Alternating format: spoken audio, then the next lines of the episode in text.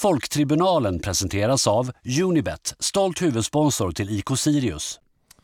Ja, eh, hej och välkomna till, till den här, det är lite oklart då hur vi ska lägga upp de här poddarna, om det här är det tredje avsnittet i veckan eller det första eller så. Men vi sitter i alla fall i Sandviken idag, jag och Mm. Viktor. Det nya kontoret här i Ja. kansliet i Sandviken. Otroligt fint, eh, till att börja med. Eh, och vi sitter här med Martin Falk. Mm, ehm, stort tack för att man får vara med. Ja, eh, huvudtränare och sportchef då. Mm, mm. Manager, går du, eh, är du, vad har du för mailtag? ja, vad har man för mailtag? Eh, nej, det står head coach faktiskt, Ja. så tyvärr då inte manager. Ja, Trist. Ja, Eh, svagt ska jag Ja. säga. Ja, man vill ju, antingen vill man ha tränare eller så vill man ha manager. Ja, exakt. Men Ja. jag tror inte riktigt jag är där än. Men Ja, eh, okej. det kommer. Okej, okej. Eh, men du, ja, du är i alla fall head coach då för eh, Mm. Sandviken. Ja, tillsammans med Thomas Gabrielsson Mm, då. Vi två delar på ansvaret Nej. med eh, tränarskapet och rekrytering. Ja, Mm. En klassisk eh, Kim och Tolle-lösning då. Ja, exakt. Light. Ja, i vår, för oss då, i Sirius led. Eh, och vi tänkte väl börja lite och prata om, ja, om dig då. Mm. Eh, du är ju ung för, i den här branschen. Det kanske du har hört? Ja, man har väl hört det, men eh, tanken är väl att bli gammal i den alla fall. Ja, exakt. Men om vi, om vi börjar lite så här, hur, va, va, den otroligt öppna frågan, hur börjar allt? Ja, jag... Från början var det mycket fotboll manager. Med, först var man liksom assisterande till brorsan när han spelade, sen fick man börja lira lite själv ehm, och sen så började gå tränarutbildningen hemma i Dalsland när jag var 15-16 år. Ehm, alltid varit intresserad av det, men ehm, hamnade i en karriär som elitspelare i band istället och då la det väl lite på is. Men eh, Fick möjligheten sen eh, att eh, hoppa på ett uppdrag i Sandviken då, eh, som P16-tränare och jobba lite i vårt eh, socialprojekt Framsteget. Eh, och på den vägen var det. Eh, så det var Anders Boman som, för detta akademichef här, som eh, fick mig hoppa på det här då och sluta med bandyn. Mm. Så, så du hamnar i Sandviken tack vare bandyn då? I Ja, exakt. enkelt, Och så öppnade sig. Ja. Eh, och då tänkte jag att ja, men jag vill prova något annat. Eh, jag såg väl att det var kul med bandy och, och så liksom, men fotbollen är så mycket större och jag har alltid drivits mer också av att jobba med människor och, och ledarskapet så på det Mm, sättet. Så mm. det här var vad jag ville göra. Eh, Ja. Men va, va, va, varför, hur kom det sig att du inte valde liksom ett, en tränarskola i, i bandyn? Var det liksom bara storleken eller? Nej, jag tycker väl att fotbollen är roligare, den är mer intressant, det finns så mycket mer eh, idé och, och själ tycker jag i den också med liksom supporterkultur och, och sådana bitar också. Så det, jag tycker så mycket mer intressant och eh, det är där jag vill jobba. Och eh, det fanns ett, min ambition är att ta mig till elitnivå och det är så mycket större på något sätt också. Så ehm, det är väl det framförallt. Mm. Hur bra var du i bandy? Um, ja, um, spelade i alla fall något U21-VM. Um, fick vinna något SM-guld med SAIK och så, men eh, det har ju också med att göra att det inte är så många som spelar bandy. så eh, fortsätter man spela så hamnar man i Ja. elitserien, lite så. Nu? ja! Jag tycker, nu ska vi inte pissa på banden här. Nej. Men hur var, hur var det att spela SM-final på, på Studan? Ehm, där fick jag bara juniorfinalen, men Ja. eh, det, var, det var fint. Ja. En jäkla fin eh, arena alltså. Ehm, historisk, Mm. eh, definitivt. Så det var, det var speciellt. Det var skönt att vinna den också. Ja. Men, Ja. men, precis, för du hamnar via lite olika klubbar som vi inte behöver nämna vid namn, eh, så hamnar du i Sandviken igen nu Ja. inför säsongen Mm, mm. 2021. Eh, hur var det? För det var väl, tanken var att Thomas Gabrielsson skulle vara huvudtränare först och du med assisterande, eller hur var den Nej. processen? Eh, jag kom hit som assisterande till Pelle Olsson. Ja, det var så var. Eh, men efter en dag så lämnade han, så jag tror inte han gillar mig. han, han drog så fort du kom Ja, till exakt. Ja, ja. Nej då, eh, han fick väl ett erbjudande av Halmstad och hoppade Ja. på Mm. det och eh, ja, på kvällen så var det klart att jag blev huvudtränare. Okej. Mm. Ehm, och då var det lite process om vi skulle ha in en assisterande akademichef eller om vi skulle ta in en eh, till eh, i delat ledarskap och jag slogs väl ganska hårt för att få in Thomas som Mm. jag jobbat med tidigare Mm. och fick igenom det och nu är det vi två som eh, rattar det här då tillsammans med eh, de andra i tränarteamet. Mm. Mm. Men, men angående Pelle Olsson, vad tycker du om Axéns uttalande om att eh, Halmstad, de plockar in att det är liksom årets värvning? Att få in Pelle Olsson? Eh, ja. Du skulle ha jobbat en dag med honom. Ja, exakt. Nej, men eh, det var väl som eh, Norling sa när de hade mött eh, Halmstad där, att det var som att se Gävle, Gävle igen. Eh, men eh, ja, de vinner, tar sina poäng ändå. Så. Men jag vet inte vem som rattar det, om det är Magnus eller Pelle. Ja, Ja. Det är oklart. det är oklart. Ehm, ja, men jag tänker att om vi, om vi går tillbaka lite och tar de, liksom, de tränaruppdrag, för du har väl delvis varit lite videoanalytiker här i Sandviken mm. samt P16-tränare. Mm. Var det liksom första tränarsteget eller? Ja, exakt. Eh, körde P16 sen P17 Mm. och jobbade med lite videoanalys Mm. och sen så hamnade i som utvecklingschef till slut och P19, P17, P16 och även video på i VSK. Mm. Eh, följt av mitt senaste uppdrag då i, som huvudtränare för P16 under två år i AIK och Mm. videoanalytiker i P16-landslaget. Mm. Så det har vi gjort eh, hittills. Hur är man videoanalytiker i division 2? Det är Eh, ja, svårt eh, känns det som. Då var det väl eh, mycket att eh, samla in video. Det var ju inte som i ettan där eh, med olika medier, eh, Mm. de som filmar Mm. matcherna så, och ettan fotboll liksom med det. Utan då var det att fånga in video ehm, och ta ut lite klipp och prestera för tränaren och resonera med Stefan Lundin då som Mm. var ansvarig och även titta lite individuellt men lite mindre förutsättningar kanske Mm. än eh, med landslaget. Var det mycket att scouta YouTube eller var det liksom att du åkte runt själv och stod på olika hustak med någon skakig mobilkamera? Nej det var, det var mer hustak eller här Ja. på järnvallen man fick Ja, stå och filma. Men det finns ändå resurser för att ha videoanalytiker i de har, ta, har liksom division 2 och division 1 tagit de kliven framåt, att man kan satsa på det då? Ja, det var väl mer videoanalytiker utan lön. Ja, Så var det, var det inte. mer att du själv liksom Ja, det var, det var mer mitt intresse Ja, att ja. få mig hjälpa till och, och Stefan såg att det fanns en möjlighet och, och ja, Ja. på den vägen var det. Men... det ser bra eh, ut på CVt. Ja, exakt. Och, nej, men framförallt där man lärde sig saker och Ja. fick vara med kring en seniormiljö, eller seniormiljö tidigt. Mm. Det var väl min idé med det. Mm. Eh, men ja, och vad, om du ser liksom till exempel P, vad är, P16-landslaget till exempel. Mm. Där är, det är ändå en relativt, alltså det finns mycket resurser och det finns kompetenta människor Mm. i den organisationen. Mm.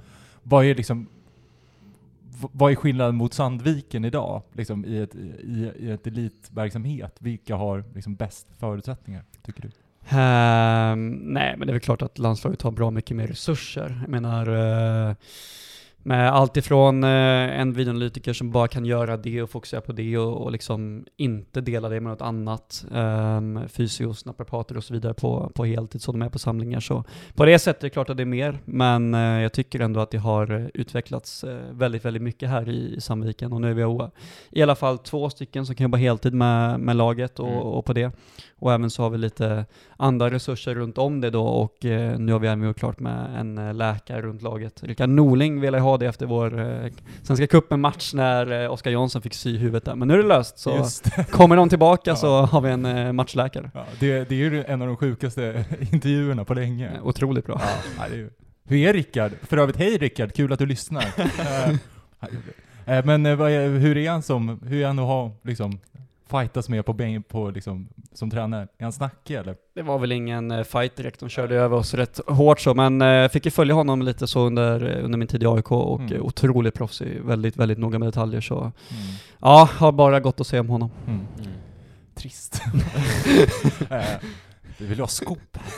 Men, ja, men om vi går lite in på då, det känns som att det blir hattigt här, men, men om vi går in på samarbetet då mellan dig Mm. och Ole Gabrielsson? Nej? Thomas. Thomas, Thomas Gabrielsson. Eh, vad, vad, är liksom, vad kompletterar ni varandra liksom? Hur funkar det? Lite mer. Ja, eh, nej men vi har väl hittat ett eh, rätt så bra liksom, eh, upplägg på det där eh, vi försöker dra varandra, eller nytta av varandras styrkor. Eh, om vi tar till exempel en vecka så Båda lägger ju alltid tid på allting, men det jag kanske lägger lite mer eh, tid på um, vår senaste match och Thomas lite mer på nästkommande match med eh, analys av motstånd och så, och kan hitta liksom, men jag även liksom alltid ha i synk med varandra och prestera delarna för varandra för att reflektera och försöka vända på så mycket stenar som möjligt. Ehm, och ute på planen hitta liksom eh, möjligheter där någon kan backa ur lite och kanske vara på läktaren och, och så kan vi jobba med myggor då istället eller hörsnäckor och, och kunna ge varandra feedback under tiden samtidigt som någon är nere och driver på planen. Så, ehm, men eh, också tillsammans med Jens då som är vår assisterande tränare och hittat bra liksom, former för det. Men, men jag tycker det funkar bra. Vi, vi kompletterar varandra bra och kan eh, till exempel om vi tittar på akademin nu så kan eh, Thomas vara lite mer nere på planen och titta på träningarna och feedbacka och så, och där jag kan lägga lite mer tid på kanske mer certifieringen och det arbetet. Så vi kan dra nytta av varandras styrkor framförallt känner jag liksom i, i vårt samarbete. Mm. Hur funkar den rollen för dig själv att vara både tränare och sportchef? Eller kan ni kombinera dem med varandra också där, du och Thomas? Eh, nej, men jag tycker det funkar bra och det är klart att vi, vi bägge lägger tid, på det också. Och, men jag tycker det som är positivt är att jag kanske inte bara eh, tycker att den här spelaren ska in och så blir det så, utan där Mm. vi själva, jo- eller behöver liksom argumentera för sakerna och titta lite mer nyktert på det och vrida och vända. Eh, men i slutändan alltid komma överens om det. Men om det är någon som känner att nej, det här blir inte riktigt rätt, då då kanske vi känner att, ja men då är inte det helt rätt för oss här och nu liksom, så Mm. eh, vi har hittat bra på det sättet. Men sen har vi ju också akademiansvaret också, så det blir ju rätt mycket. Eh, eftersom vi är huvudtränare, sportchef och akademiansvariga så eh, det är väl nästan eh, fotbollschef som Axel Kjell Ja, fast på ettan-nivå. ja. Det, äh, det här med att du har så många roller, finns det en rädsla för att liksom bränna ut sig? Att, liksom, att man går in i väggen så att säga? Eh, jag vet inte, man, eh, man vill ju jobba på sin fritid också, men det är klart Mm. att man måste ha en balans i det. Jag menar, man, mm, också med, man har en sambo hemma och en hund hemma och vi behöver Mm. koppla av och koppla bort för man, eh, ska man göra jobbet tror jag man måste vara jäkla massa energi när man väl går in i en träning och går in i ett arbete. Så ja, jag tror att över tid kan man inte ha så här mycket. Eh, här och nu för att kicka igång det tror jag man kan ha det, men eh, på sikt så behöver vi få in och utveckla något på akademin där. Mm. Jag tänkte lite det här med, vi kommer du tar in över efter Pelle Olsson, Mm. och liksom en, ett Pelle Olsson som man spelar på ett speciellt sätt. Och du, Mm. vi har hört både Hannes och Isak tidigare, eh, som berättat att ni spelar en form av 3-4-3 och det är Mm. mycket mer, ja men kanske det Sirius spelar Mm, idag, mm, mer mm, rörligt. Hur funkar det? Eller om vi börjar så här, hur, hur spelar ni i Sandviken? Om du ska liksom förklara Ja, spelstil. Eh, mycket tid har vi. Eh, nej men just spelstilen ska jag säga att eh, den är ganska tydlig för oss och vi har präntat ner ett visst antal eh, meningar så vad vi vill uppfatta som, vad vi vill göra där ute och en del är att vinna bollen så nära motståndarens mål som möjligt. Mm. Eh, så det kan man göra på massa olika sätt. Eh, man kan börja lågt och växa in i det, man kan starta högt, men vi vill vinna bollen så nära motståndarens mål som möjligt för att eh, ha så nära till kontring som möjligt. Det är liksom vår huvudintention i försvarsspelet, att pressa så högt som möjligt för att vinna den. Ehm, offensivt så vill vi alltså skapa så mycket målchanser med kontroll som möjligt. Så kan vi spela in den bakom direkt, ja men då vill vi göra det. Ehm, Mm. Om det är under kontrollerade former. Mm. Vi ska inte bara skicka liksom, utan... Och vi vill skapa en struktur med spelarnas positioner ehm, så vi kan spela framåt, men där de själva får välja vilka vägar de tar då. Men eh, där vi hjälper dem att hitta rätt positioner och fylla de ytor vi vill göra på vissa motstånd, men det blir rätt mycket upp till spelarna att deras egna kreativitet att eh, spela med varandra också och integrera med varandra. Mm. Och vad i här hittar vi, om vi börjar med Isak, vad är hans roll i, i Mm. Sandviken? Ehm, han kom väl in lite i där vi hade en idé och en tanke om att spela lite som en av de här tiorna, men har visat sig kanske bli lite mer av en åtta. Ja, och det är ju så härligt för att jag tror att vi hade en intervju då, förra veckan med Daniel Bäckström när han pratade Mm. om sjuor va? Mm. Och Sju, sexor. Ja, så att, så att om, vi, om vi försöker liksom, vad, vad är en tia i Sandviken? Ja, exakt. Det här är en del av samarbetet då, snacka siffror. Ehm, nej, men vi har ju ofta, även om vi spelar 4-3 eller om vi har spelat eh, 3-4-3, så har vi spelat med två fickor, eller två tior som vi kallar det, som vi vill ha lite i, bakom motståndarens mittfält och, och ligga och söka ytor där och kunna även gå in bakom motståndarens backlinje. Men var liksom passerande för våra balansspelare hittar hitta igenom på centralt i planen. eh, bakom deras mittfält. Det är vad vi vill få ut av våra tior och kan vara med och kombinera där och låta så att vi kan ta oss framåt eh, med hjälp av våra nior och sen våra wings bara utanför där. Så det är väl tia-rollen. Men i Isaks fall så har han landat kanske spelat lite mer på det centrala mittfältet nu eh, som en av, eh, lite mer åtta så. Eh, kan även länka upp med tiorna liksom, men även komma ner och hämta lite mer som en sexa, så han är ganska fri i det. Men eh, vi har velat ha honom centralt på mittfältet och, och styra tempot i matcherna och var, han är jäkligt bra i sin spelbarhet och ta sig ur press och explosiv att kunna vinkla ur och, och hitta vägar ur och passar väldigt bra i den rollen för oss för att eh, ta oss vidare i nästa fas i vår speluppbyggnad. Mm. Mm. mm. Och, och en åtta är för, för, en, för en lekman då, är det en lite box-to-box mitt- mittfältare? Nej, exakt, han, han vandrar lite mer mellan, om vi tänker en, eh, i vårt fall, sen Mm. man kan ju ha olika benämningar på det i olika klubbar så, Ja. men eh, för vår del, eh, sexan vill vi ha centralt bakom motståndarens forward, eh, Mm. hålla sig där, vara spelbar. Eh, Isak, Typ defensiv mittfältare? ja, skulle man kunna Ja. ka- kalla det. Och- men gärna en offensiv tanke på det. Jo, jo. Ehm, och sen har vi lite mer åttan och som kan vara lite mer länkande med att Mm. ibland vara uppe i spelet av två, men ibland förhålla sig mer i spelet ett och utgångsytan. Så Mm. han är lite mer fri att kunna vandra mellan, eh, framför, bakom deras mittfält. Mm. Okej. Och, och lite så här, och, och, och om vi ser liksom, han, är ju, han har inte varit här så länge, han har ju varit Nej. här eh, åtta matcher. Ja. Eh, Men vad, vad ser du, ha, vad, vad är det han har utvecklat under, ha, under den här perioden? Mm. Ehm, Jag tycker att det är dels saker på plan, men också mycket utanför alltså. Mm. Ehm, jag skulle säga, i omklädningsrummet så kanske han en av de som absolut driver mest den här processen med sitt ledarskap och olika liksom reflektioner i halvtid och peppen in i matcher och också format av, eller färgat av en jäkla proffsighet. Eh, fått med sig mycket andra unga spelare som eh, allt från det här med att ta hand om kroppen efter träningar, lägga extra tid på planen. Så jag tycker att han har verkligen påverkat miljön i rätt riktning mot det vi vill, Mm. alltså in i elitfotbollen. Det tycker jag är en stor del som han utvecklat och även utvecklat andra i.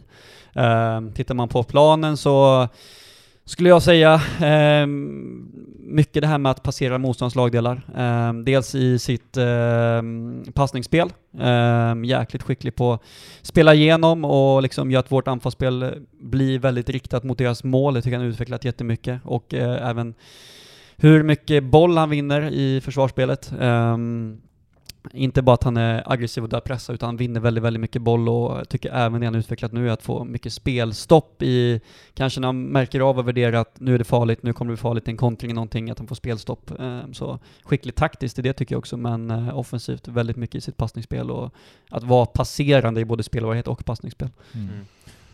För, för någonstans, du får ursäkta frågan, men, Mm. men någonstans så är ju vårt intresse av att Isak inte ska stanna kvar i Sandviken. Ja, han, han ska ju, han ska ju komma hem då, Mm, mm. eh, förhoppningsvis. Eh, om, om, om man tittar på det, vad, utifrån ditt, din syn då, vad är det han skulle behöva utveckla ännu mer för att liksom kunna komma in på, på, en, på liksom två, det är ändå två hack upp liksom, Mm. nivåmässigt? Ehm, först och främst såklart svårt att säga som man inte är i Sirius miljö dagligen och, och har de referenspunkterna så, eller referensramarna, ehm, som eh, Daniel och Theo har liksom där och, Mm. och kan peka lite mer konkret på, på vad det är. Men jag tror mycket för hans del är väl att spela kontinuerligt här uppe i, i toppen av ettan också, att eh, få en jäkla massa erfarenhet av det och lära sig av saker som händer i matcherna. Okej, när jag gör det här då då blir det så och jag kanske behöver justera då och så vidare. Så mycket av att spela matcher kontinuerligt tror jag är viktigt för Isak på en hög nivå. Um, förra året var han i Luleå och fick göra det under en period men nu får han eh, mer vara i, i toppen och han ska vara drivande i gruppen um, och vara en av toppspelarna i ett topplag. Det tror jag är en bit för honom att få med sig in sen i att ta sig till Allsvenskan igen. Liksom. Mm. Har, har ni fått liksom direktiv från Ola och Daniel att det här ska, det här ska han, liksom, vad ska man säga, träna på att det här ska han göra i Sandviken eller är det liksom kör, gör vad ni vill med han, jag Isak eller? Nej, jag ska inte bara att det är så här, kör och gör vad ni vill liksom, Nej, utan nej. Men eh, jag tror att de är rätt trygga med det vi gör Mm, och känner en mm. likhet i det, så att det inte är så att de är inne och styr eller, och det har inte varit, vi har inte haft en eh, enda diskussion om att sen när han kommer hit så ska han spela liksom, utan det är upp till Isak att förtjäna Ja, speltid. ja. Men hittills har han gjort det. Eh, men det är ju Isaks förtjänst, det är ju inte att det är Sirius som har sagt någonting så Nej. liksom, utan men när jag tittar på just träning så jag har mycket dialog med Theodor och mm, liksom vill briefa honom med utvecklingssaker och få in referenser från Sirius om, om Mm. vi kan utveckla saker hos oss så kommer det ge effekt på vår trupp, men också för Sirius del med Isak och, och Hannes liksom. Mm. Så, men eh, inte så specifikt mot eh, träning eller match så, Nej. utan jag tror att de är rätt eh, trygga i, Mm. vad vi gör här. Mm, Och mm. de har en bra insyn i det och till exempel Theodor kommer ju komma hit på måndag och, och vara här och, och titta vad vi gör och så, så det är bra. Jag tänker, ska vi snacka lite mer om Sandviken generellt, där din fråga Eskil, du hade om vad, vad är meningen med Sandviken? Vad, Nej, inte så, men det där med vi pratade om tanken med Sandviken. Är tanken med, alltså, ja, nej men lite såhär vad, var, jag tänker att vi kan ta den efter, att vi först pratar lite Hannes. Mm. Eh, nej men, och- för det är ju en annan spel, du nämnde ju honom, Mm. Hannes Weijer, eh, som har, Isak har ju, har ju, är ju en situation där han är utlånad i Japp. Sandviken, bor i Sandviken, Mm. så att han är liksom med på alla träningar, medan Hannes är på ett sånt här samarbetsavtal. Japp. Ehm, där han i princip uppe en dag i veckan och tränar Mm, och sedan mm, spelar matcher. mm. Om, man, om man tittar där, vad är liksom... Om vi börjar med den superkonstiga situationen Mm. att han får, får komma upp och spela då, Ja. en dag i veckan. Hur, hur har man resonerat från Sandvikens håll där? Um, för vår del så fick vi in en målvakt med lite andra egenskaper som gör att vi kan välja lite mer nu utifrån matchplan och egenskaper och sådana bitar, vilket vi kanske hade två lite mer lika, om vi tänker på Tobbe och Tobbe, våra egna målvakter då, plus Pontus vår junior. Ehm, men lite mer lika spelartyper och tanken var väl att få in en lite annan spelartyp utifrån vårt spelsätt och det har varit, eh, tycker jag, tydligt mot eh, hela gruppen och även mot, eh, liksom, jag tror Hannes och alla runt om förstår det liksom att det är en annan typ av målvakt och för vår del har det inte varit några konstigheter på det sättet utan den som är bäst spelar, Mm. men också kopplat till vem passar bäst för det här motståndet. Så till exempel när vi mötte BP så visste vi att BP skulle pressa jäkligt högt och då kunde vi utnyttja Hannes styrkor i sina, sitt passningsspel och mm, med den biten och vi kunde hitta in mycket bakom ända från målvakt och vi, lite samma mot Karlstad, men då tittar man på den matchen så när vi har en inspark så får vi ett friläge på den utsparken, och, eller insparken. Um, så um, det här har gjort att vi kan värdera lite mer utifrån, okej, vem är bäst för dagen? För det är heller där, vi behöver inte spela Hannes. Men är han tillräckligt bra och bättre än de andra och passar ut från matchplan, då kommer han spela. Mm. Och detsamma gäller för alla de här tre, fyra målvakterna. Ehm, så mm, även om situationen i sig, jag förstår att den är lite konstig så, man är här en gång i veckan, man tränar, de andra tränar fyra dagar i veckan. Mm. Men ehm, på den här nivån, det handlar om att prestera och den som presterar kommer spela.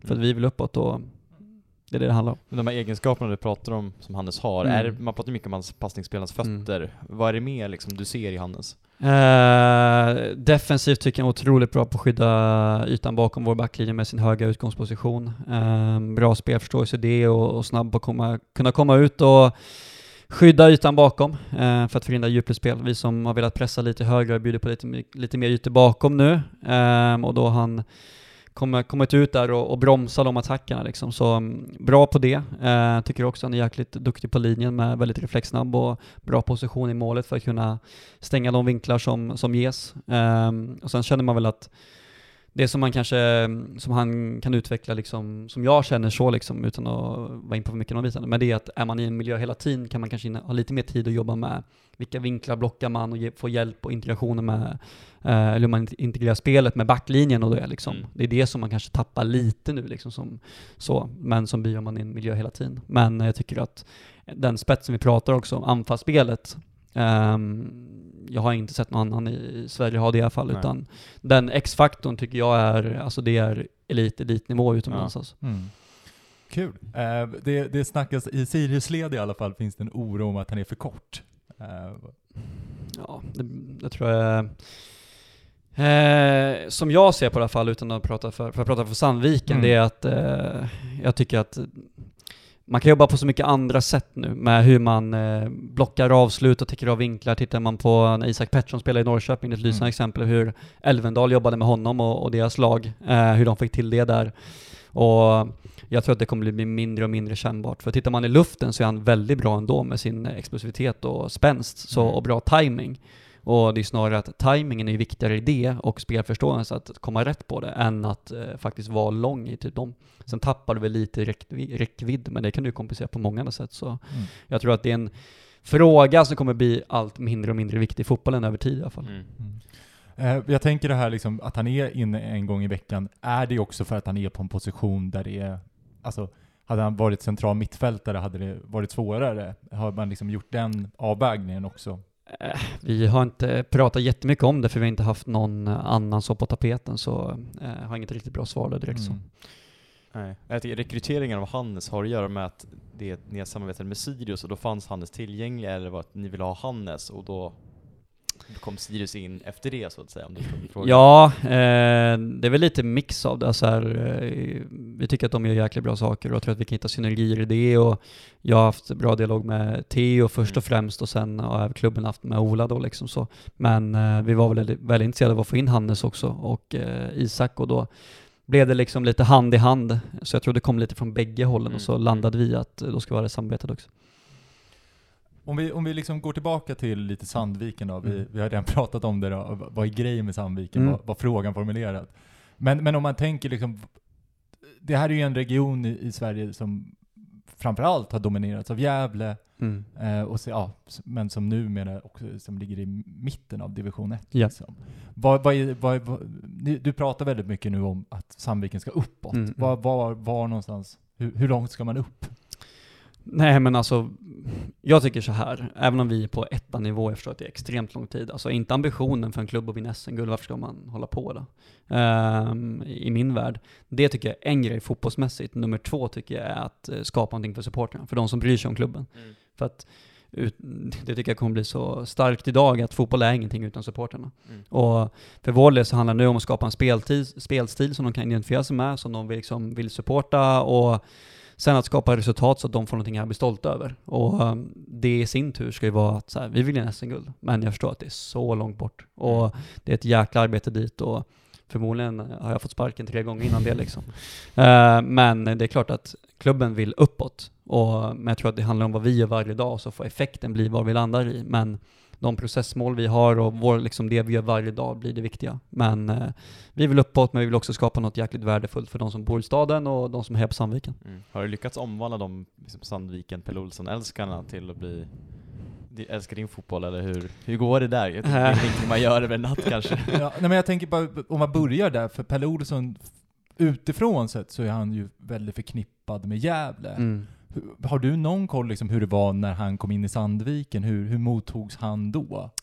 Eh, inte jättebra koll, jag vet bara att han var väldigt, väldigt uppskattad nu när han Mm. lämnade. Mm. Ehm, och med all rätt, för han var den som på riktigt etablerade Sandviken till att bli en stabil ettan-klubb nu Mm. och, och skapade liksom ett, ett spel där man blev stabila och släppte in jäkligt mycket mål och, och utvecklade ändå offensiven under varje år som gick. Och tittar man på de matcherna så var det, det var väldigt långt ifrån, tycker jag, när jag tittar utifrån på det som tidigare var Gävle Mm. att det var inte ett sånt Sandviken som spelade och man fick in väldigt bra spelare med rekryteringen också så eh, uppskattad, men jag vet inte hur det mottogs väl när han väl kom för då var han ju Mm. väldigt så en Gävles eh, legend liksom. Ja. Mm. Och, och då återgår vi till Viktors fråga. Ehm. liksom, när du, för du har ju pratat i, i tidigare sammanhang om Mm. just det här försöka byta kurs på Ja, klubben. ja. Eh, Eh, hur, hur känner du att du har, hur har ni liksom jobbat med det? Och hur har det, hur har det mottagits? Ja, ehm, jag tror ändå att för min del, jag såg Sandviken innan Pelle var här, när Tony Andersson hade dem, när Boman hade dem eh, och så vidare. Och, eh, när Forslöv var inblandad, en annan tränare då. Eh, och det som vi gör nu tror jag ligger ganska starkt i historiken i Sandviken och historien. Ehm, att man har varit ett spelförande lag, man har velat pressa högt och Ehm, det här är inget nytt i klubben så, utan det är väl bara att man kanske vrider tillbaka lite nu från en period till något annat liksom. Mm. Ehm, sen vad som är bäst, det får vi väl se över tid liksom, men eh, jag tror att det känns positivt när man pratat med supportrar och eh, ser saker i sociala medier och, och lyssnar och hör liksom, och det är en viktig del för oss att ta in, ehm, för att de måste också tro på det om det här ska bli någonting över tid. Um, jag tror att det räcker inte bara att en tränare eller en trupp bestämmer sig, utan en klubb behöver tro på det och framförallt supporterna, för det är de som är klubben. Och min upplevelse nu är att de tror på det vi gör och um, sen blir det väl effektfullt också när vi vinner matcher hittills. Uh, så det är väl en del att fortsätta i det liksom. Men jag tror att också att när man kommer från någonting, så nästan oavsett vad man gör, byter man då så blir det lite uppskattat i början, men uh, det känns som positivt och jag tror att det här trycket framåt som vi försöker skapa med väldigt mycket anfallsfotboll tror jag kan skapa ett drag också på läktarna där de kan dras med i det. Mm. Och det är väl en idé också med det, att få hjälp av publiken i det så vi vill spela liksom. Ja, men, men det kortsiktiga målet även nu, är det i Superettan liksom? Och etablera sig där, eller hur? Har man, har man satt någon plan? Ja, eh, vi vill gå upp i Superettan. Ja, Sen vet ja. vi att det är jättetufft. Alltså vi har inte samma resurser som till exempel BP eller det andra Uppsala-laget, så väljer jag att kalla det. Ah, Borlänge va? Ja, Borlänge. Ehm, som vi möter idag. Ja. Men eh, det är klart att vi vill upp och vi tror att vi kommer göra det med den idén som vi håller på med nu och de spelarna som vi har. Mm. Och, så det är målet. Jag förstår.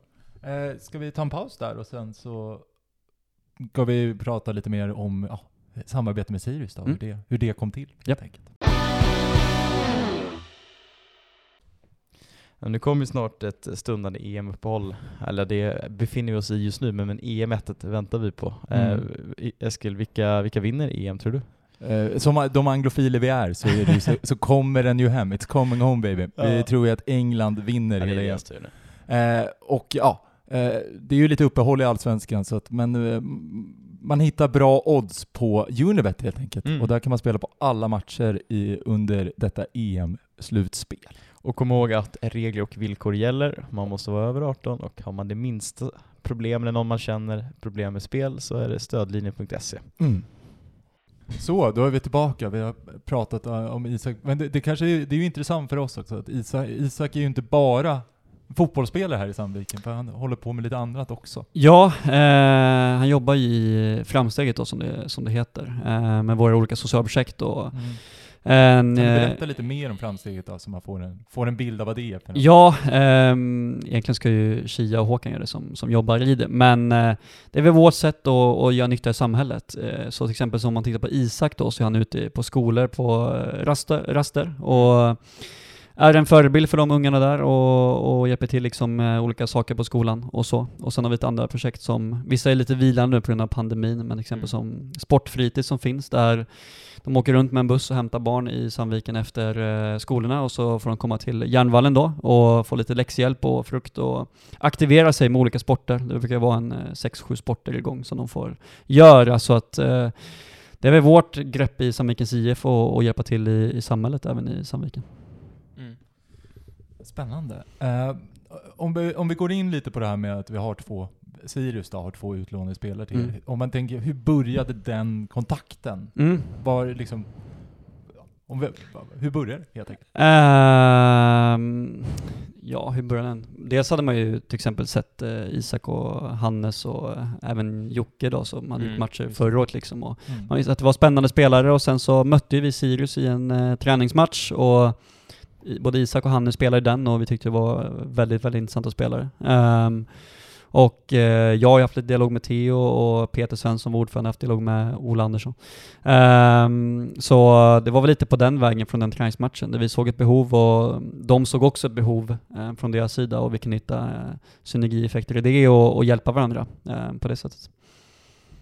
Men, ja, men jag tänker också hur funkar det när ni har två liksom, som inte är era spelare, både Hannes och Isak? Mm. Kim och Tolle var ju otroligt emot att låna spelare just för att de vill, inte, de vill inte förädla andras liksom, produkter. Mm, mm. Hur ser du på det och hur ser Sandviken på det? Är det något Alltså det är klart att man inte vill ha tio inlånade spelare, Nej. alltså det, är klart, det, är, det är en självklarhet. Ehm, sen är vi lite i en uppstart av vårt truppbygge. Det här är det första fönstret vi gjorde ehm, och eh, jag tror att över tid så kanske det inte alltid kommer vara två inlånade spelare varje år i Sandviken liksom. Men eh, för vår del så eh, Isak känns inte, även jag vet att han liksom tillhör Sirius och allting, men det känns inte som en spelare som är inlånad. Nej. Mm. Utan så som han är i gruppen och allt det där så är det inga konstigheter liksom. Och Hannes så var lite mer speciellt men vi såg ett behov av en annan spelartyp och då valde vi att ta det.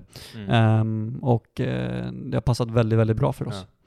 Har det gått diskussioner i, mellan, mellan Sirius och Sandviken om att ta in ytterligare spelare? Jag tänker ja, men till exempel som jo, Joakim Mm, Persson och vi har även lite yngre backar till exempel. Mm.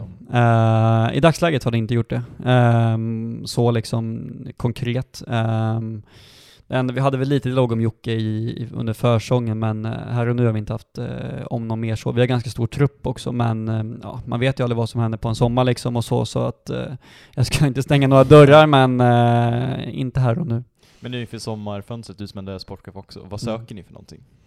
Ehm, vi tittar alltid efter att förstärka vårt lag liksom på alla positioner. Mm. Eh, kan vi komma in med och bli lite bättre nu så vill vi göra det, men det kommer också bero lite på vad som händer med vår trupp. För eh, är man i toppen av ettan och det går bra så blir det alltid intresse kring spelare. Ehm, så det beror också på vad som händer där. Och vi Mm. får helt enkelt se och invänta och se om det kommer intresse kring några spelare och så. Och vi har väl inget, vi är inte i ett läge där vi behöver sälja någonting, men ehm, kommer det rätt bud så är det klart man lyssnar liksom. mm, jag förstår. Men till exempel då, om man gör en inventering, gör man en extra koll då i Sirius, Sirius trupp för att, man, för att ni liksom har den etablerade kontakten? Eller är det liksom... Eh, jo, men det är klart. Alltså, så här, vi har, jag har en dialog med Adrian också som Mm. eh, jobbar lite med scouting där i, i Sirius. Och dels som spelare, dels mycket om våra spelare, för Adrian är med den dialogen, alltså Isak och eh, Hannes här som redan är här nu, och Mm. hur utvecklingen går.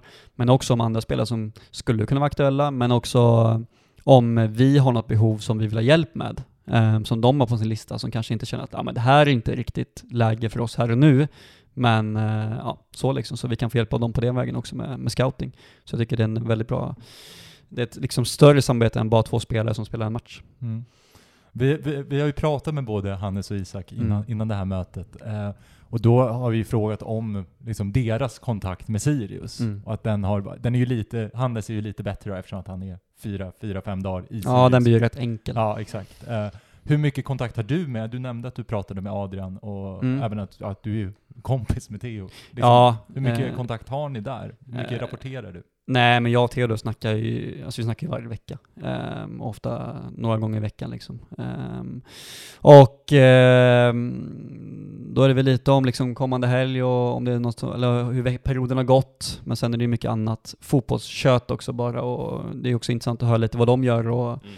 Ta in referenser från det och, och se liksom deras process. Och min tanke är också att eh, likt Theo som ska besöka oss nu så ska vi dit och besöka dem också och mer få vad är det i deras verksamhet. Det är, en, annan, det är en sak att prata om det men en annan del att vara i den Mm. och, och liksom ta lärdom. Mm, jag förstår. Är det, är det så när du pratar om Isak till exempel, mörkar du lite för att liksom försöka hålla honom kvar i Sandviken? Isak har gått jäkligt dåligt nu Ja, under våren här och nej, det är ingen allsvensk spelare. Ja. nej då, jag har eh, hittills bara gått och se om honom. Han har gjort det väldigt bra. Ja. Finns det planer på någon form av djupare samarbete mellan Sirius och Sandviken, eller hur?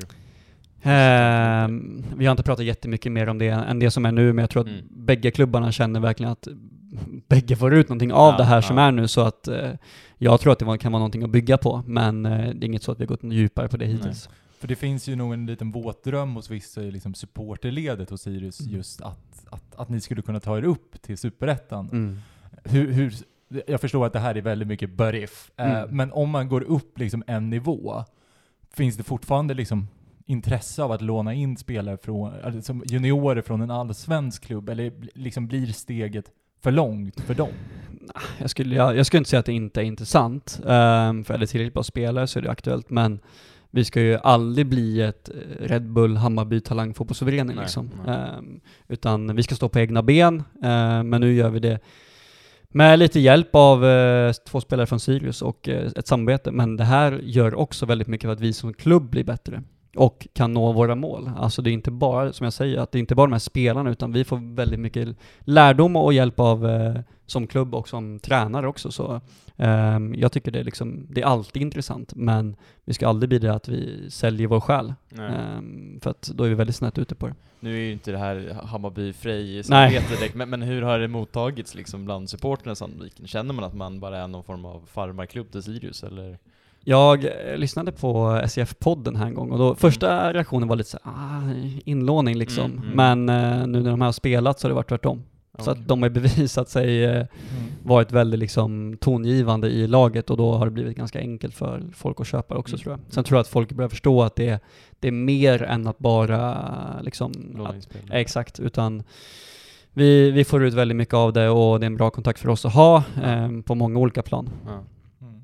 Jag tänkte på en annan grej, vi var inne på det här med Hammarby Talangfabriken. Mm. Ehm, hur, hur har det mottagits liksom, i, i division 1, lite generellt sett, liksom, bland tränarkollegor? Att, att, ett, att ett allsvenskt lag i princip har köpt upp en, en division 1-förening? Mm. ehm, jag vet inte, det är svårt att, att ta, jag har inte pratat så jättemycket om andra med det, men eh, jag tycker det är bedrövligt. Mm. Alltså, ja, nu kommer jag aldrig, kommer aldrig jobba där, men jag tycker jag gillar det inte alls alltså. Just det här med att eh, IK Frej blir Hammarby Talang fotbollsförening, utan eh, det är inte fotboll för mig, utan det blir något annat liksom. Alltså, men jag tror också det blir så när man är man är uppvuxen med och, och liksom, jag varit i Everton eh, när jag praoade och så börjar man följa dem och heja på dem och Ja. liksom, just det här med supporterkulturen är jäkligt stark för mig. Och eh, när jag jobbade i VSK, den var stark där, när jag jobbade i AIK, den var stark där och eh, därför tror jag det blir ganska motigt för mig att, höra en sån sak och Mm.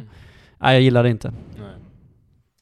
Det är ju positivt. Men, du, Skönt att höra i alla fall. men alltså, vi- vi- vi- du gick förbi, du har alltså praoat i, i Liverpool? Nej, i Everton. I Everton? Viktigt. I staden Ja, Liverpool, staden men i Liverpool, ja. klubben Ja, Everton. Jo, jo, det är jag med på. Det, jag vet att Eh, Liverpool, att, ja. Everton ligger i... Ja, är otroligt viktigt. Ja. Jo, jo, men att du har Eh. praoat, praoat i Liverpool som stad då? Ja, I eh, när jag gick i åttan så mejlade alla klubbar från League 2 upp till Premier League. Eh, och det var två klubbar som svarade, Arsenal Mm. skrev nej och Everton skrev ja, kom då. Eh, så då åkte jag dit och då blev eh, Everton mitt lag i England. Hur funkar det? Alltså, vad gjorde du liksom på? Eh, det var lite olika. En del var ju med alltså laget och stad, en del var lite med akademin, men sen var det också att gå liksom och packa upp eh, bärs med någon kille på arenan liksom. Så det var, det var väldigt olika roller, men eh, mer från insyn i hela klubben. Finns det någon kontakt där fortfarande mellan er? Att ni har så? Ja, jag har en som heter eh, Tony, eh, som jag har fortfarande lite kontakt med och pratar med. Ehm, Så det, Så det kanske blir ett samarbete mellan Everton och Sandviken i framtiden? ja, det är bara de här kl- klubbarna med blått liksom, Ja. så, som vi håller oss till. Ja, ja det är fint. Ja, det är fint. Så du har alltså varit på in, i katakomberna på Goodison Park? Ja, exakt. Eh, fin arena. Ja, otroligt mäktigt. Ja. Wow. Mycket stolpar va, hört. Ja. Ja, väldigt. Den är lite lik VM-arenan här. Ja, Man, man ser ingenting. Ja. Det är fint. Det är, det är, att, se, att se fotboll är lite överskattat. Ja, exakt. Det kan vara skönt också att missa vissa saker Ja, ibland. Ja, verkligen. Ja, I alla fall som supporter. Ja, det här är ju, det är ju otroligt mäktigt. Eh, ja, hur ska vi ta oss vidare från inte. Wow. Isak Paus. Hannes har vi pratat om i alla Ja. fall, men eh, jag tänker Hannes, du som ändå har koll på bandyn, om man jämför Anton Andersson och Sirius, och Hannes säger, vem kommer bli bäst? Eh, jag gillar Anton också, men jag tror att Hannes kommer bli Ja. otroligt bra. Alltså, jag tror att det där är någonting som inte kommer stanna i Sverige. Nej. Det snackas ju mycket om den potential han har, som vi Mm. kanske inte riktigt har hunnit se, för han har spelat tre matcher Mm, mm. visserligen, men det är svårt att bedöma när man är Mm. 18-19, men mm. hur, alltså, är han så bra liksom? Ni ser det redan nu på den nivån? Ja, alltså, man vet ju aldrig vad som händer, Nej, men eh, jag tror också det blir mycket med, med den fotbollen jag står för och den jag vill spela, så Mm. blir det väl ännu mer påtagligt att eh, hur han passar i den liksom. Och, Ja. Eh, det som jag och Thomas gör här nu så är det mycket det här med att eh, kunna vara spelande från att bygga bakifrån och våga bjuda in press och just i de där sakerna så har ni väldigt mycket. Och tittar man till exempel på målvakter nu i, i topplag, liksom, och tittar på Manchester City till exempel med eh, Ederson så det är en väldigt prioriterad egenskap att kunna passera så snabbt med spelet med fötterna. Så ja, jag tycker han är väldigt intressant. Sen vet man ju aldrig vart det bär. Eh, det får man ju se. Jag, för mig som kanske, jag, jag, för mig är en målvakt viktigt med pannben. Alltså det är nästan, jag, jag, jag lever ju att Mm. jag hellre har en målvakt som tar det han ska ta och sedan Mm. släpper det andra Mm, liksom. mm, Hur, det här till exempel, nu förlorade ni ju tyvärr förra matchen mot BP Ja. med 3-1. Hur, hur har Hannes reagerat på det utifrån din, din Ah, syn? U- Umeå torskade emot. Ja, Umeå. Ehm, men eh, tittar man på hans insats där så eh, tre helt omöjliga mål att göra någonting på. Ehm, men eh, han räddar något skott som han likväl kan vara mål liksom och han gör en bra insats och eh, ger oss väldigt mycket i, i vårt anfallsspel också. Så även i försvarsspelet med eh, hans sätt att styra vår balans och, och liksom eh, förbereda andra skeden i spelet, när vi är inne i speluppbyggnaden, hur han förbereder vår, vår defensiva omställning och sånt. Eh, också duktig på det. Vilket jag tycker alla våra fyra målvakter har tagit väldigt mycket kliv i år i att kunna förutse saker i spelet och jobba med andra skeden när vi inte annat. Men eh, det tycker jag han är väldigt intressant. Nu förlängde ju Hannes kontraktet på Sirius till 2025. Mm. Fanns ni liksom, hade Ola dialog med er angående det här? Man pratar om att han ska ta steg hela tiden och att var Mm. någon form av del i den processen? Att okej, till 2021 kanske, eller 2022 ska ni fortfarande vara med i bilden? Eller fanns det någon dialog där? Nej, Nej. Eh, det har inte vi med att göra. Nej. Utan eh, jag vet inte riktigt hur, de tänker framöver, men Nej. jag tycker det är tydligt med att de tror väldigt mycket på honom. Eh, ett avtal till 2025 tycker jag är väldigt starkt. Liksom, så. Det känns som en positiv del för, eller positiv grej för Sirius att få behålla honom till 2025. Mm. Eh, nej. Ska vi prata om matchen idag eller? Ja, det kan, vi, kan- Publik! Ja, Mm. till Första gången på hur länge som helst. Ja. Hur, hur känns det? Alltså, Eh, för mig så blir det ju första matchen på seniornivå med publik, så Ja. det ska bli jäkligt roligt alltså. Mm. Man har längtat efter det här, man har jag har ju stått i den där klacken eh, i division 2 och, och någon gång under division 1. Eh, så det ska bli kul att få på bänken idag och ha det i ryggen liksom. Vi behöver det. Eh, och vi kommer bli ännu bättre av det tror jag, för att Mm. De ger oss så mycket där ute och, och Sandviken är väl en av få klubbar i ettan som har någon typ av supporterkultur liksom Mm. och, och kan Mm. få eh, effekt av det.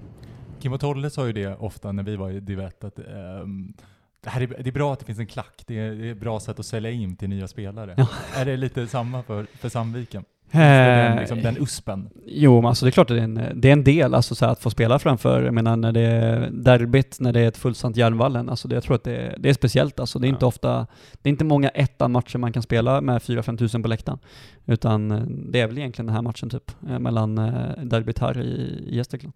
Så um, det är en del i det och man försöker väl liksom fånga upp de bilderna i olika prestationer och så med våra supportrar och även när det var tidigare, när det var länge sedan liksom, det var 20 000 på Järnvallen, så ehm, det är en viktig del i det också.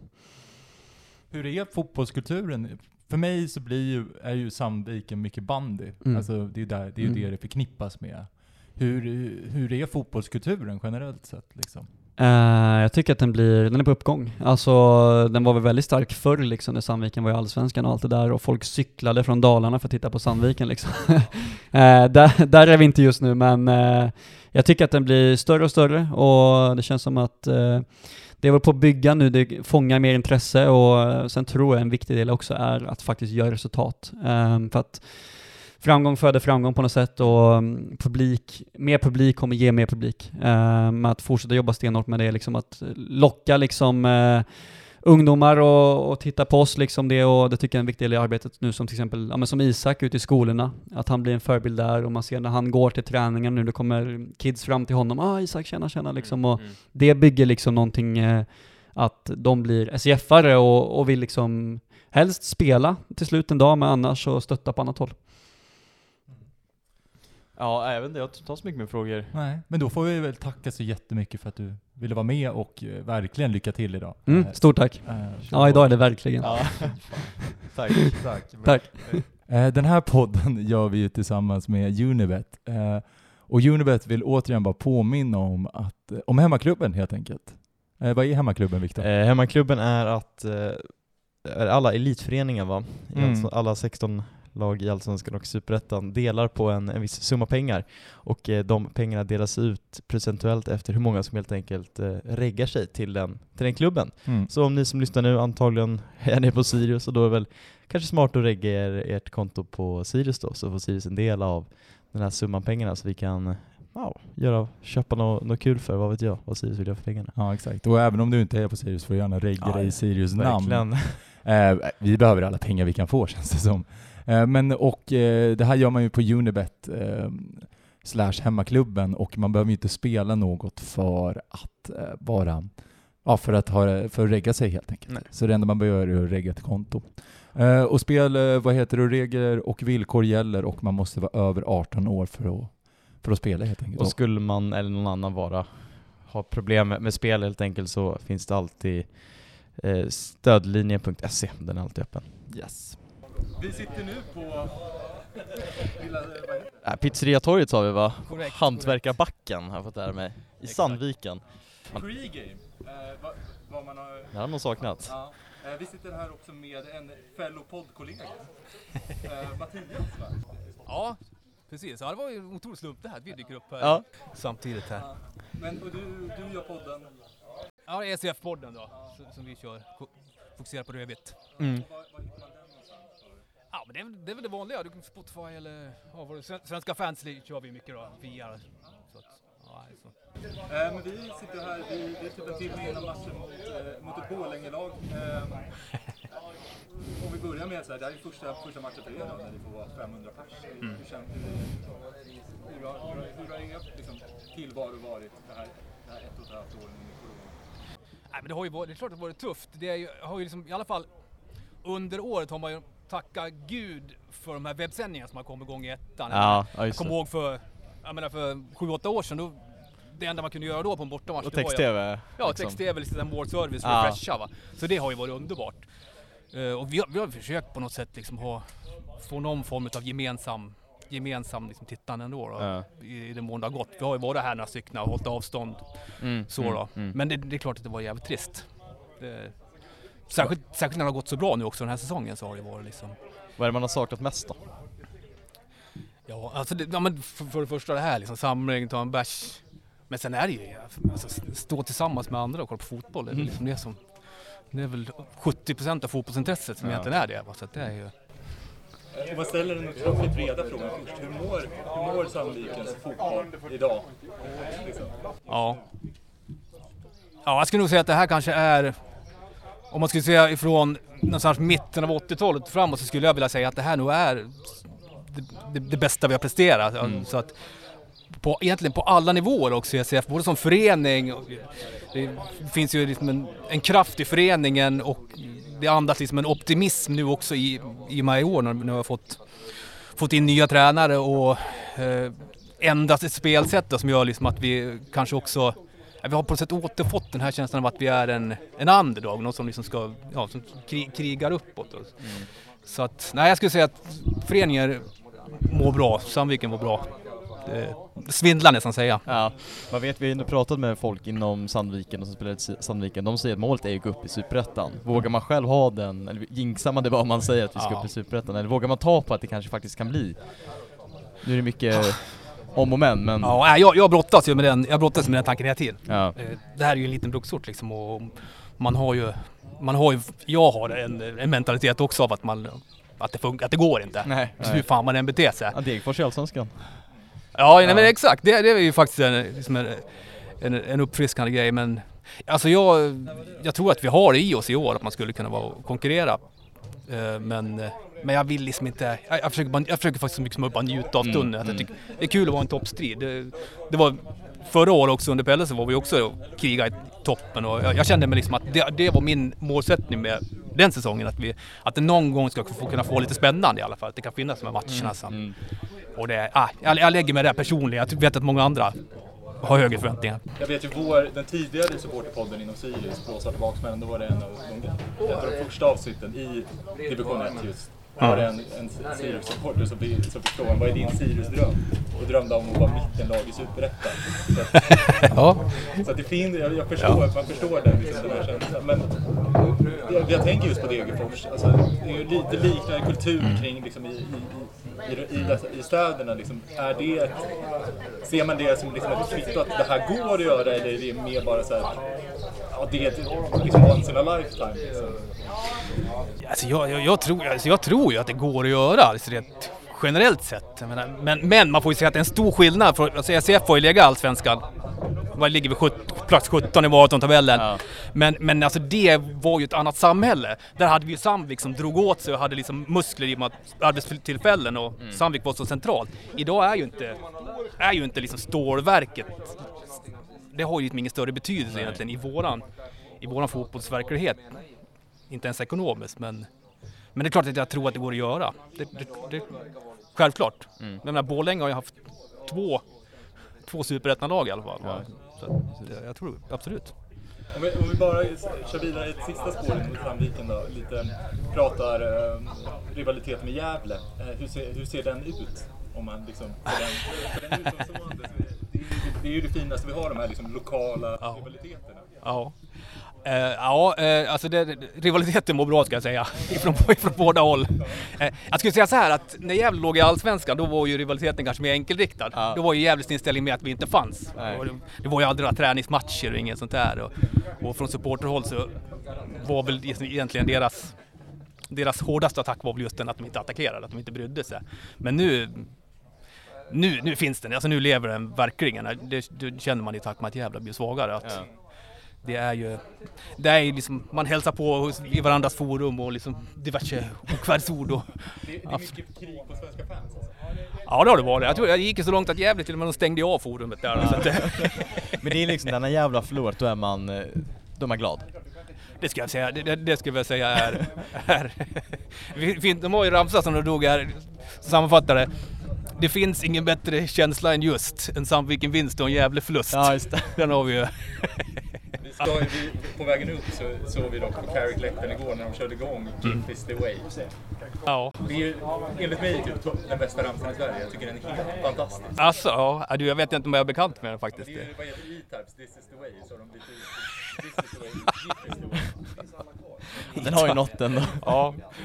Ja, men det, ja. Ja, men vi, vi är ju här uppe för att vi är lite extra intresserade av två, eller ja, två Sirius-spelare numera, eller som är Sandviken-spelare. Man börjar med liksom den mer tydliga Sandviken-spelaren som också utlånar, Isak Bråholm. Vad, liksom, vad har du fått för bild av honom? Ja, att mitt första intryck, mitt första intryck av honom det var ju att jag märkte vilken temperamentsfull spelare och att han direkt gick in i det och verkligen, jag menar utlånad spelare, man, klart man funderar på hur mycket, liksom, mycket tankarna i liksom Sirius och hur mycket tankarna Sandviken. Men jag kommer ihåg det var någon sekvens där den motståndaren, någon motståndare hade kapat en, en Sandviken-spelare och Is- Bråholm gör den här klassiska att han är en sån här bit ifrån och skriker Ja, när han ja. ligger på marken. Och då kände jag liksom att den här killen är liksom, han har inställningen. Och, så det, ja men det älskar man ju. Som fotbollsspelare tycker jag, men han är ju som innermittfältare som han är nu så är han ju en allround en allround innermittfältare. Vi har ju hans alternativ där på innermittfältet. Eh, då har vi ju Jernberg som vi fick från, från Karlstad. Han är ju mer av en framspelar och liksom har den här touchen. Och, och sen har vi Jannik Kunzi som är mer av en grovarbetare. Defensiv mittfältare och jag tycker liksom att Broholm befinner sig någonstans där mittemellan. Och kanske en spelare också som kan ta sig fram alltså med, med sin teknik då kan ta sig fram i plan på ett annat sätt än vad de andra kan. Och där, där tycker jag han fyller en jätteviktig funktion för oss. Så. Det, det tycker jag. Hur är det där? Han har ju ett år på kontrakt med Sirius. Mm. liksom, finns, finns det en dröm hos, hos, liksom, hos er att, att han ska gå över och bli en Sandviken-spelare? Jag har tänkt tanken, definitivt. Att, eh, skulle det vara så att Sirius inte väljer att, att satsa på honom så tycker jag att han är en perfekt spelare för oss. Alltså, absolut. Det tycker jag. Men nu är det känslan att man har liksom någon annan spelare och förädlar någon annans talang. Alltså tänker Mm. man på den som support, känns det jobbigt att han faktiskt är Sirius-spelare, eller hur? Ja, nej men alltså, he- hela, alltså hela den här grejen med att låna in och de här samarbetsavtalen, alltså jag är ju i grund och botten emot dem. Mm, Alltså, jag, jag, jag är en klubb, klubbmänniska. Mm, mm, jag håller på, på klubben Sandviks IF, så att det är klart, jag, jag föredrar ju, om allt annat lika så föredrar jag om jag har en kontrakterad spelare i Sandviken som ja. kanske också över lite längre tid. Men, men sen så finns det ju en fotbollsverklighet också. Och ska man vara och fightas i toppen så det är väl möjligt att man, man får använda sig av sådana här Då får man Sådana här nödvändigt avtal. ont kanske då att... Ja, men, ja, men så känner vi det i grund och botten. Ja. Absolut. Det, det måste jag väl erkänna. Då kommer vi in lite på det då. Hur, hur, hur ser du på att man ändå har lånat in spelare från Sirius i det här fallet? Det, du, var, det är du negativ till? alltså inte just från, från Sirius. Jag förstår att Sirius Ja. utan men, men det är liksom det här att det, det känns inte. Jag, gi- jag gillar inte fenomenet. Och det, jag menar, ni vet ju hur det är ettan, du har ju Ham, Hammarby Talang nu ja. också. Alltså det här är någonting som jag tycker är dåligt för ettan. Eh, Med att ettan förvandlas till någon form av talangfabrik Ja. bara då eller? Ja, ja, jag gillar inte det. Alltså, jag, vi, vi fick ju Göteborgs sportchef, nu tappar jag namnet på honom. Eh, Fanerud ah, eller? Fanerud, exakt. Vi fick en lite kort snack med honom inför Svenska cupen-matchen Ja, Och då förde ju han exakt det här resonemanget att liksom de, man kunde liksom plocka upp talanger från, från ettan och allt som är bra för svensk fotboll liksom ska vi göra. Men jag, jag känner personligen inte så, utan jag känner först och främst SCF. Sen, sen gärna svensk fotboll också liksom. Ja. Men ja, det är liksom själva fenomenet i sådana fall är jag är tveksam till. Det har väl blivit ändå att de här stora klubbarna som ändå Göteborg och kanske Sirius inte det än men ändå i Allsvenskan att man kan gå ner och leta i division 1. Och det vet man själv när vi var alltså division 1, jag menar Sirius är inte, att vi varit i Allsvenskan det är bara ett, det är ett nytt fenomen. Ja, jo, att- precis. Men då känner man, då var ju, det är ju inte kul att liksom känna att vi ska vara någon talangfabrik en annan klubb, att de bara ska komma och plocka, för det har man ju alltid varit irriterad på, det händer ju fortfarande, jag menar Djurgården plockar oss liksom, vi är fortfarande där i det, vad säger man? Vad är, man spelar på den. Nej, men Man älskar ju en one club man. Ja, så är det. exakt. Så jag förstår ju din liksom, irritation mot hela, hela liksom, fenomenet, men det är väl blivit, det är väl som svensk fotboll ska utvecklas och då ser man det till bästa, att då ska man plocka från ettan och Ja, och sen är det ju en Men- hackordning. Men det går inte att konkurrera heller liksom. Nej, utan det är ju, så, så är det ju. Om vi går över till ja, den kanske mer problematiska spelaren i er sida, Hannes Weijer. Ju här i princip bara en träning och en match. Hur, hur, hur ser du på den, liksom, den lösningen? Ja, nej men naturligtvis som att, alltså, en, en inlåning över ett år, det är ju en sak. Det är en kontinuitet, man Ja. får en relation. Och det märker man ju på Broholm också, att han är ju liksom en i gruppen. Och, liksom- han är också, han bor i stan, han är ju med i de här projekten jag är framsteget, Mm. det, ja. Och liksom, ja. är del i samhället på något sätt. ja, men exakt. Och det är ju en sak. Menar, man kan ju också värva en spelare på ett år som går vidare. Så att jag menar, det är ju inte nödvändigtvis. Men vad det gäller Sverige så absolut, det, man känner väl klart att det, det är mer problematiskt tycker jag. Och ja, det, det tycker jag.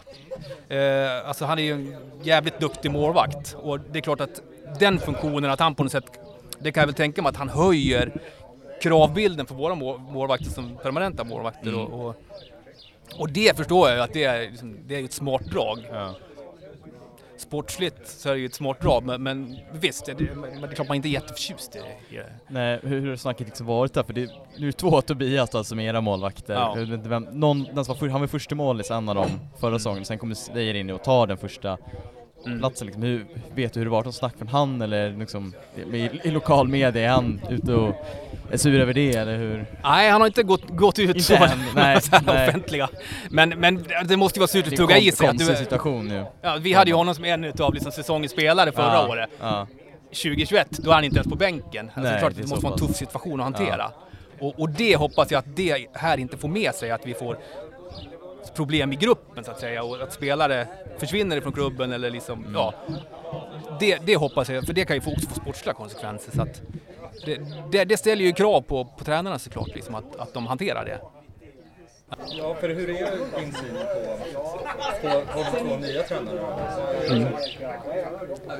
Det är åtta matcher, ni ligger Ja. tvåa i tabellen. Hur är känslan kring det? Ni är ändå väldigt unga. Ja. Ja, precis. Jag, jag är otroligt imponerad. Det, det är väl bara det, liksom, det är bara ha- hatten av till dem. De har gjort ett otroligt jobb här för att liksom transformera den här klubben ifrån, jag menar ni vet, Pelle Olsson. Jag älskar Pelle Olsson, min favorittränare, men... Ja, du, du förstår hur mycket jag älskar Pelle Olsson. men... Det är gamla granne till mig också så det finns lite, lite personliga. Men, men, eh, nej, men att, att den fotbollen och transformera det till någonting som vi ser idag, det har de gjort fantastiskt bra. Och det är klart att man hade ju, då hade man ju räknat med att okej, det kommer ta, det kanske kommer ta tio matcher innan vi kommer in i det.